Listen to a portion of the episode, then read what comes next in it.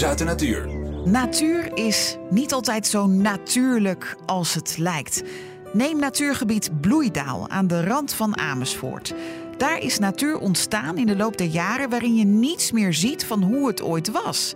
En om juist dat te creëren grijpt de mens in. Nou, het lijkt een tegenstelling, maar loop maar even mee. Natuurkenner Embert Messlink legt het ons uit in groot nieuws uit de natuur. We gaan terug in de tijd. Jaren 50, 1950, 1960.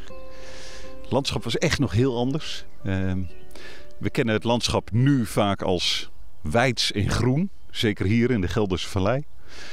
Maar het is veel beslotener geweest, veel afwisselender en ook veel bloemrijker. Nou, hier aan de rand van de Amersfoort, natuurgebied Bloeidaal, hebben ze geprobeerd dat weer een beetje terug te halen. Dit is natuurcompensatie. De stad is op allerlei mogelijke manieren uitgebreid. En hier is juist landbouwgrond teruggegeven aan de natuur. En ik ben wel heel enthousiast over het resultaat. Want kijk om je heen en luister. Ik zie net een bruin zandoogje vliegen, een vlinder, een klein koolwitje.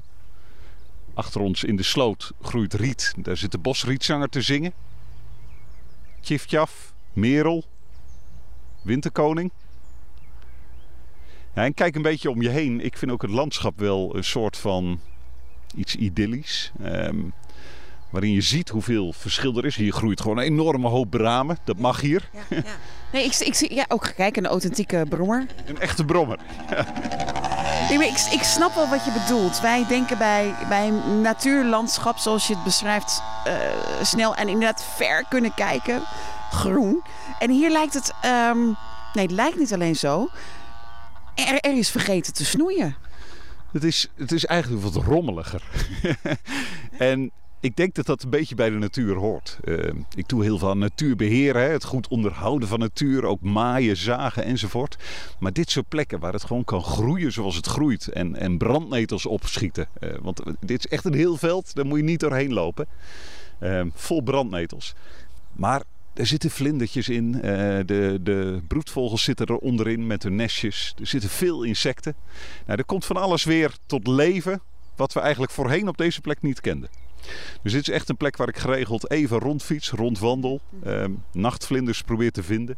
En, en wat, wat, wat vind je er dan van dat, dat de mens dan poogt om iets te maken wat lijkt op oude natuur? Snap je? Het is het creëren van natuur. Ja, ja, ik ben er heel blij mee. ja, het is maakbaarheid. Het is, het, is, het is door mensen gemaakt. En toch toch lijkt het wel heel erg alsof het gewoon ontstaan is. En het is ook beide waar. De condities zijn door mensen gemaakt. Maar we hebben eigenlijk ook heel erg onze handen weer eens even ervan afgetrokken. En dan maar kijken wat er gebeurt.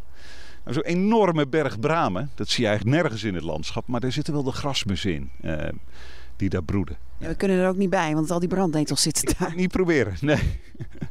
nee. Dus dit is echt een plek uh, nou, om, om weer een beetje te ervaren wat er kan in ons landschap.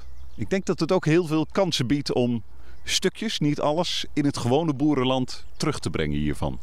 Door af en toe eens een houtwal aan te leggen. Of weer wat bramen de kans te geven. Nou, dat past wel in het denken over kringlooplandbouw, natuur-inclusieve landbouw.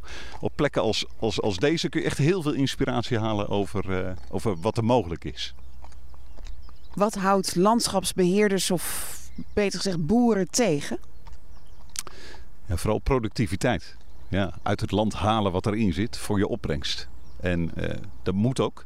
Want als een boer dat niet doet, uh, verdient hij zijn boterham niet. Maar ik ben wel heel blij met al het denken van... kan dat ook net op een andere manier? En kunnen we toch natuur en gebruik maken van het landschap voor onszelf meer samen op laten gaan.